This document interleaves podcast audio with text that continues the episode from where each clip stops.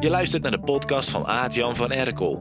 Elke dag een politiek incorrecte marketingtip om de nummer 1 in jouw markt te worden. Daar heeft hij trouwens ook een boekje over geschreven. Bestel dat ding even op www.nummer1.online.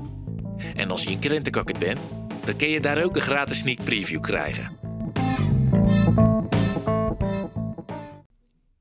Gisteren fietste ik langs een geparkeerd vrachtwagentje bij mij in de straat. En op die vrachtwagen stond de slogan van het bedrijf. En die slogan was zo bijzonder dat ik even ben gestopt om erover na te denken. Hij was namelijk zo geschreven dat hij niet alleen op dat bedrijf, maar op alle bedrijven van Nederland van toepassing is. Hij was zo algemeen dat het eigenlijk verdomd knap gevonden was. Want ga er maar aan staan. Bedenk eens een slogan voor elk bedrijf in Nederland. Dit stond er op het vrachtwagentje. Realiseert mogelijkheden. Ik zal niet verklappen om welk bedrijf het gaat, dan kun je daarna gissen. Misschien een glasvezelkabeltrekker? Die realiseert de mogelijkheid om in vier kamers in huis een andere Netflix-serie te kijken. Of een wasserij? Die realiseert de mogelijkheid van slapen tussen frisse lakens voor hotelgasten. Of een bakkerij?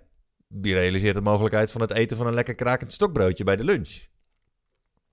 Het was een bedrijf dat medische hulpmiddelen levert aan verpleeghuizen.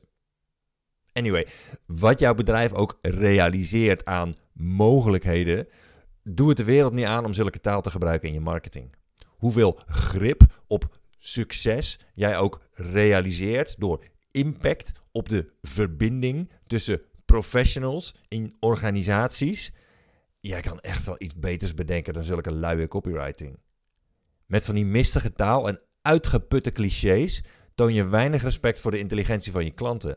Want die zien dat jij de eerste de beste standaardwoorden hebt gekozen toen je bezig was de belangrijkste teksten van je bedrijf te schrijven. Je slogan die je overal op afdrukt, je e-mailingen die je naar iedereen toestuurt, je homepage die jouw bedrijf presenteert aan het hele internet. Wat je daarmee communiceert is desinteresse. Waarom heb je eigenlijk geen scheid aan de saaie conventies in je markt? Waarom stop je niet met meeblaffen met de rest en ga je niet gewoon precies doen waar je zelf zin in hebt? Jij bent veel leuker dan je eigen marketing en je weet het.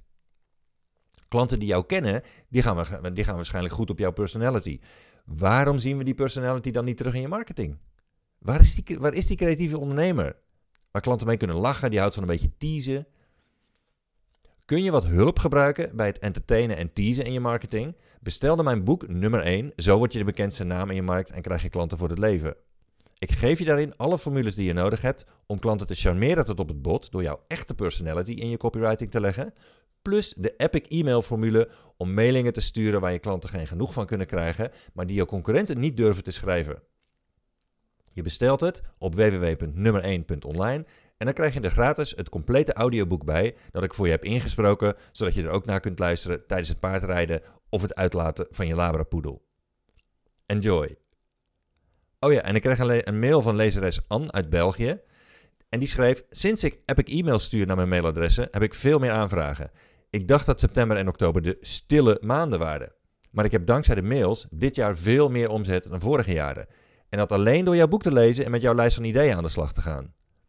Ik spendeer minder tijd aan schrijven, geen social media meer en heb veel meer klanten. Echt top. Anne van Dorst van beeldiggeleerd.be